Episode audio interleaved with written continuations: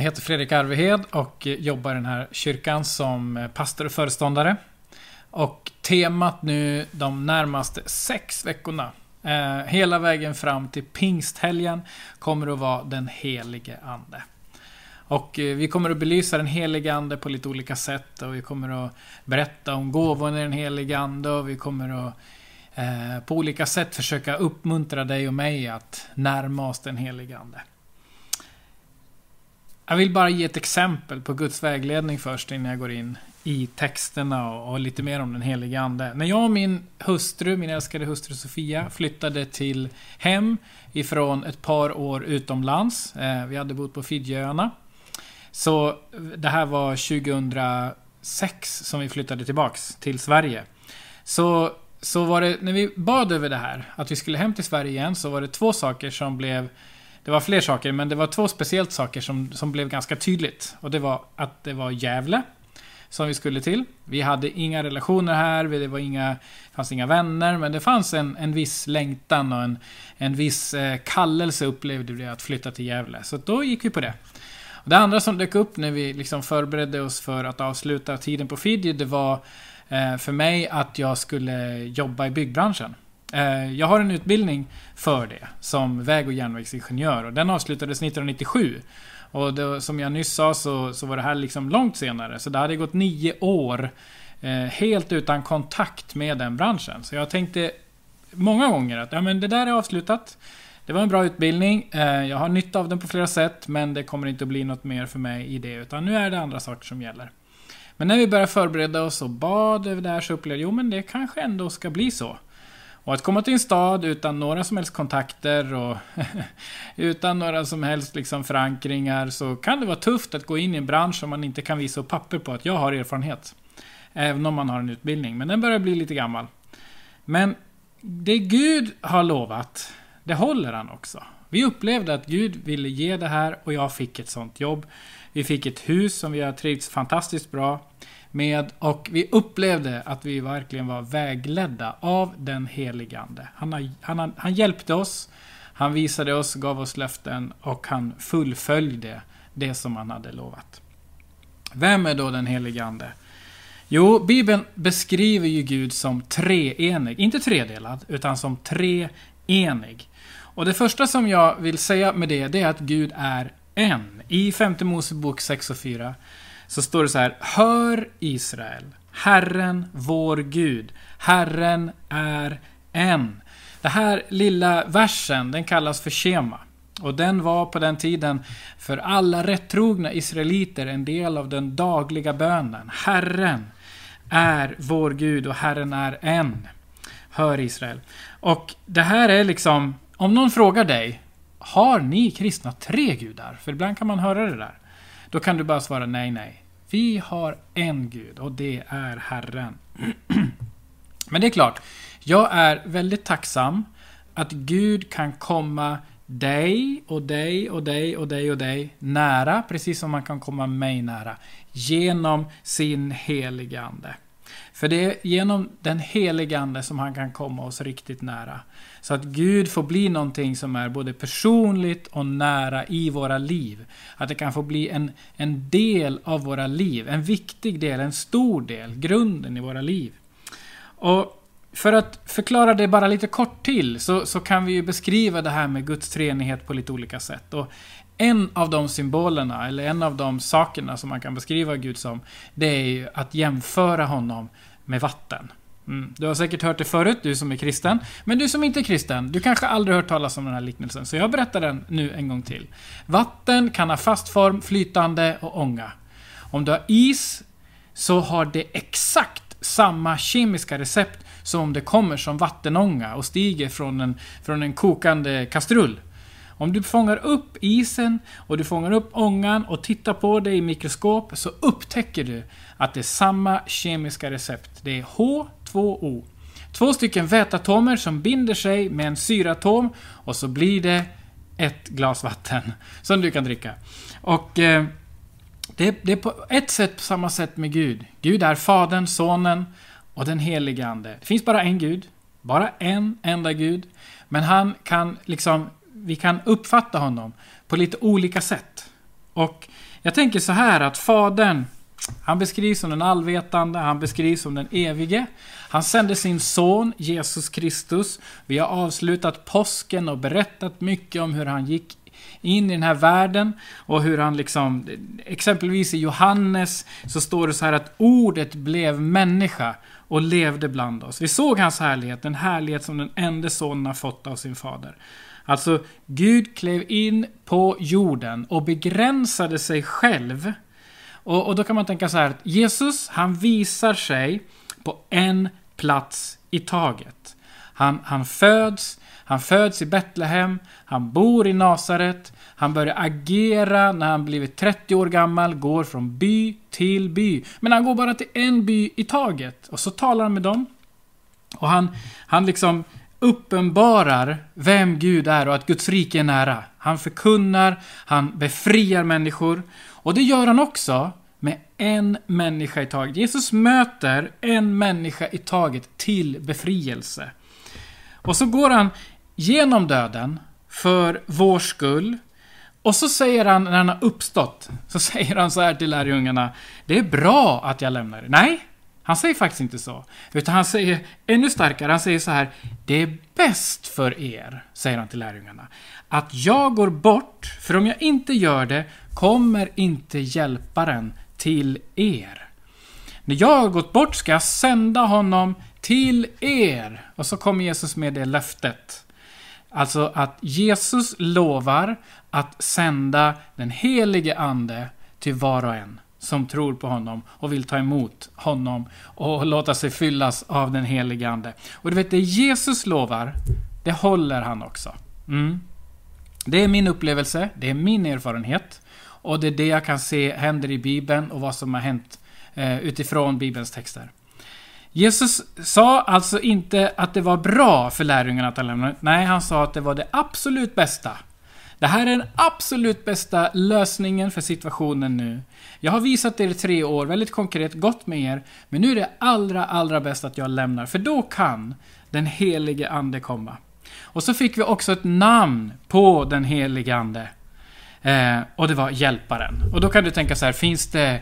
Är det liksom namnet? Ja, när man läser i Bibeln och tittar vad det står om den helige Ande så finns det många symboler, många bilder, många namn på den helige Ande. Det finns över 40 stycken. Och det kan vara vind, eld, vatten. Det kan vara eldstungor, det kan vara hjälparen som jag nyss sa, det kan vara tröstaren. Det kan vara den levande Gudens ande och så vidare och så vidare. Och eh, det är fantastiskt så mycket det står om Guds egen ande som är Gud själv och som vill vara nära. Men om vi stannar en liten stund nu vid hjälparen. Eh, Jesus sa att det var det bästa, okej. Okay. Vad betyder det här för de första lärjungarna? Eh, de, jag uppfattar att de kände sig osäkra. De hade gått med Jesus, de hade fått se vad han gjorde, de hade blivit imponerade och ville följa honom och förstod att han lämnade över någonting till dem. De fattade att det var någonting de skulle fortsätta med. Att liksom agera på samma sätt. Berätta om Guds rike. Eh, bota de sjuka i hans namn. De förstod att det var någonting. Men hur skulle det här gå till? Vad fanns det för glöd? Vad fanns det för driv? För de förstod också, är jag övertygad om, att det här skulle kosta någonting. Det här skulle kosta allt. Eh, och, och de kanske också tänkte, för det, det, kan man se i texterna, vad ska det här känna till om inte nu Israel, det som de hade som, som stolthet, om inte de fick sin politiska frihet. Men Jesus hade sagt någonting. Och de kom ihåg ändå när de drog sig till minnes. Okej, Jesus har lämnat dem. Vad, vad, sa, vad sa Jesus innan? Jo, bland annat så sa han så här. Lämna inte Jerusalem. Utan vänta på vad Fadern har utlovat. Och som ni har hört mig tala om. Johannes döpte er i vatten, men om några dagar ska ni bli döpta i den helige Ande. Ja, så att de kom ihåg, i den här förvirringen och osäkerheten, vad ska det här innebära att vi fortsätter som han gjorde? Varför ska vi göra det? Och om vi nu ska göra det, hur ska vi få tag på den kraften och glöden och den hjälpen? För det här kommer att kosta någonting. Så responsen var att eh, eh, Okej, okay, vi går tillbaks till Jerusalem. Vi går tillbaks till Jerusalem. Och eh, vad gjorde de där? Jo, de, de kom också ihåg lite andra saker som Jesus hade sagt. Han sa bland annat i Matteus 7.7 Be, så ska ni få. Sök, så ska ni finna. Och om det nu var så att Jesus hade undervisat det här, då tänkte de okej, okay, vi går tillbaks och vi ber. Vi närmar oss Gud, vi närmar oss honom, vi förstår inte detta, men vi ber. Och så gör de det och gosse vilket bönesvar de fick. På pingstdagen så händer det stora saker. Och vi går inte in så djupt i det här idag, för det är inte fokus idag, utan nu handlar det om löftet som Jesus hade gett och som Gud har gett dig också. Därför att det löfte som han ger, det håller han också. För på pingstdagen så kom det en, en, ett moment, ett ögonblick när det hade gått de dagar som skulle gå. Jag tror inte de visste hur många dagar det skulle gå, men, men plötsligt så blev de fyllda av den helige Ande på ett otroligt mäktigt sätt. Och från pingstdagen, på pingstdagen, då kom drivet. Då kom glöden. Då kom passionen och engagemanget. Och Petrus, han kliver fram bland sina landsmän. För de hör liksom det dundrar och brakar kring det här mötet och, och, folk samlas och undrar varför, varför talar de språk som jag förstår? Vi vet att de inte kan de här språken. Hur kan de berätta om Guds väldiga gärningar på mitt hemlandsspråk? Och Petrus, som som kan, man kan tycka var en riktig loser och en riktig svikare mot Jesus för han hade förnekat honom. När Jesus var utsatt för en massa tortyr och grejer, då smet liksom Petrus iväg och gömde sig och förnekade honom. Men Jesus hade blivit förlåten av Jesus när han uppstod. Och nu så hade också Petrus fått den här glöden, den här heliga anden, den här elden. Så han kliver fram och säger till sina egna landsmän från en massa olika platser Omvänd er. Låt er alla döpas i Jesu Kristi namn så att era synder blir förlåtna. Då får ni den helige Ande som gåva. Och så fortsätter han med så viktiga ord. Alla de här orden är viktiga, men det här är så gott tycker jag. Löftet gäller er och era barn och alla de som är långt borta. Alla som Herren vår Gud kallar. Så att det fanns en kraft som kom in i de här enkla männen och kvinnorna den här dagen. Och om du vill läsa spännande läsning om hur den allra första kyrkan började på att agera, hur de börjar på att gå ut och se fattiga, möta deras behov, börja, börja be för sjuka så det händer saker på riktigt. Eh, så kan du läsa Apostlagärningarna. Det är otroligt uppmuntrande läsning. Vad som kan hända när vi blir fyllda av den helige Ande. Så Guds kraft visade sig på en mängd olika sätt. Församlingen, den första församlingen, den första kyrkan växte ganska dramatiskt. Och det blev förföljelse. Och det är vad som händer när, när du och jag möter Gud, tar emot av Gud, tar emot av den heliga Ande. Då växer våra liv. Och då växer vi, när vi är flera, så växer vi i antal, då växer vi i kvalitet i våra liv så att vi kan få uppleva saker av Gud. Därför att löftet gäller dig och det gäller mig. Och det finns ett, ett av många olika bibelställen som, som beskriver vad som händer med den helige Ande i våra liv. Som jag tycker väldigt mycket om. Finns i Romarbrevet 8 och 14. Och det står så här att alla som drivs av Guds ande är Guds barn. Ni har inte fått slaveriets ande så att ni på nytt måste leva i fruktan. Nej, ni har fått barnaskapets ande och i honom ropar vi Abba, far. Anden själv vittnar med vår ande att vi är Guds barn. Och är vi barn så är vi också arvingar. Guds arvingar och Kristi medarvingar. Lika visst som vi lider med honom för att också förhärligas med honom.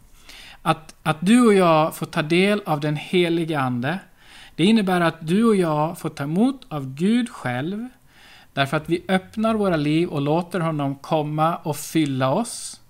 Eh, och, och då får vi liksom gå med Jesus, uppleva saker som han vill göra i våra liv. Det kan få bli liksom vägledning och hjälp på ett sätt som du inte själv kan räkna ut. Och det är ju precis det som jag upplever och tänker att det vill du och det vill jag. Jag vill inte vara begränsad av vad jag kan. Jag vill inte vara begränsad av vad jag, vad jag orkar och klarar av. Jag vill inte vara begränsad av mitt förstånd. Utan jag vill få få chansen att gå tillsammans med Gud. Det innebär inte att jag ska jobba mer, att jag ska eh, anstränga mig mer och prestera mer. Utan det handlar om en, en vilsam relation till Gud där jag får vara hans barn. Får var, var, ha honom som pappa. Jag får vara hans barn, men jag får också uppdrag av honom att göra i hans kraft. Löftet gäller mig och det gäller dig. Och till slut så vill jag bara läsa ifrån Uppenbarelseboken kapitel 22, vers 17. Då står det så här. Anden och bruden säger kom. Den som hör det ska säga kom. Och den som törstar ska komma. Och den som vill ska fritt ta emot av livets vatten. Nu på onsdag min vän, så kan du vara med och dela evangelium till Gävleborna. Vi kommer att släppa en, en filmsnutt på lite drygt en och en halv minut som är en hälsning till alla Gävlebor om att Gud bryr sig. Den, den, den är baserad på psalm 23 och vi har alla kyrkor i stan tillsammans gjort detta projekt. Och jag vill att du är på tårna och delar den. Jag vill verkligen det. Jag vädjar till dig, dela den när den kommer ut på onsdag kväll. Eh, men oavsett det så kan du, i och med att du gör någonting för Gud, du kan redan idag öppna dig för att Gud ska få fylla dig med sin heliga Ande. Så att det du gör också får en del i Guds plan för ditt liv. Så när, när Gud nu ropar Kom, enligt Uppenbarelseboken 22, då står det att den som törstar ska komma och den som vill ska fritt få ta emot av livets vatten. Nu är förbönsrummet öppet. Om du är i det läget att du behöver hjälparen, du behöver den helige Ande, gå gärna in där. Du kan vara anonym. Du kan få ta emot förbön för din situation där du är i livet precis idag. Inte där du borde vara. För vi är på olika ställen och där du är, där kan du få förbön. Eh, och du kan vara anonym där. Och om du har ett behov av den helige Ande, hjälparen, då vill de be för dig att du får se att du kan öppna ditt hjärta och ta emot av den helige Ande. Därför att där finns kraften, där finns trösten, där finns livgivaren. Den helige Ande vill få bli en sån personlig vän till dig. Gud själv vill bo hos dig och fylla dig och överflöda i ditt liv. Det är det, det, är det löftet gäller. Och det gäller dig och det gäller mig. Tack Herre för att du nu kan fylla oss med din helige Ande. Hjälp mig att varje dag öppna mitt hjärta så att jag mer och mer kan bli ledd av dig så jag kan få se ditt övernaturliga liv i mitt enkla liv och begränsade liv. Tack Herre för att du just nu kan komma till den som längtar efter dig och fylla. Tack för att när du ropar kom, då kommer vi. Tack för att vi får följa dig och vi får gå och vi får öppna våra hjärtan nu för ditt rike och din heligande. I Jesu namn. Amen.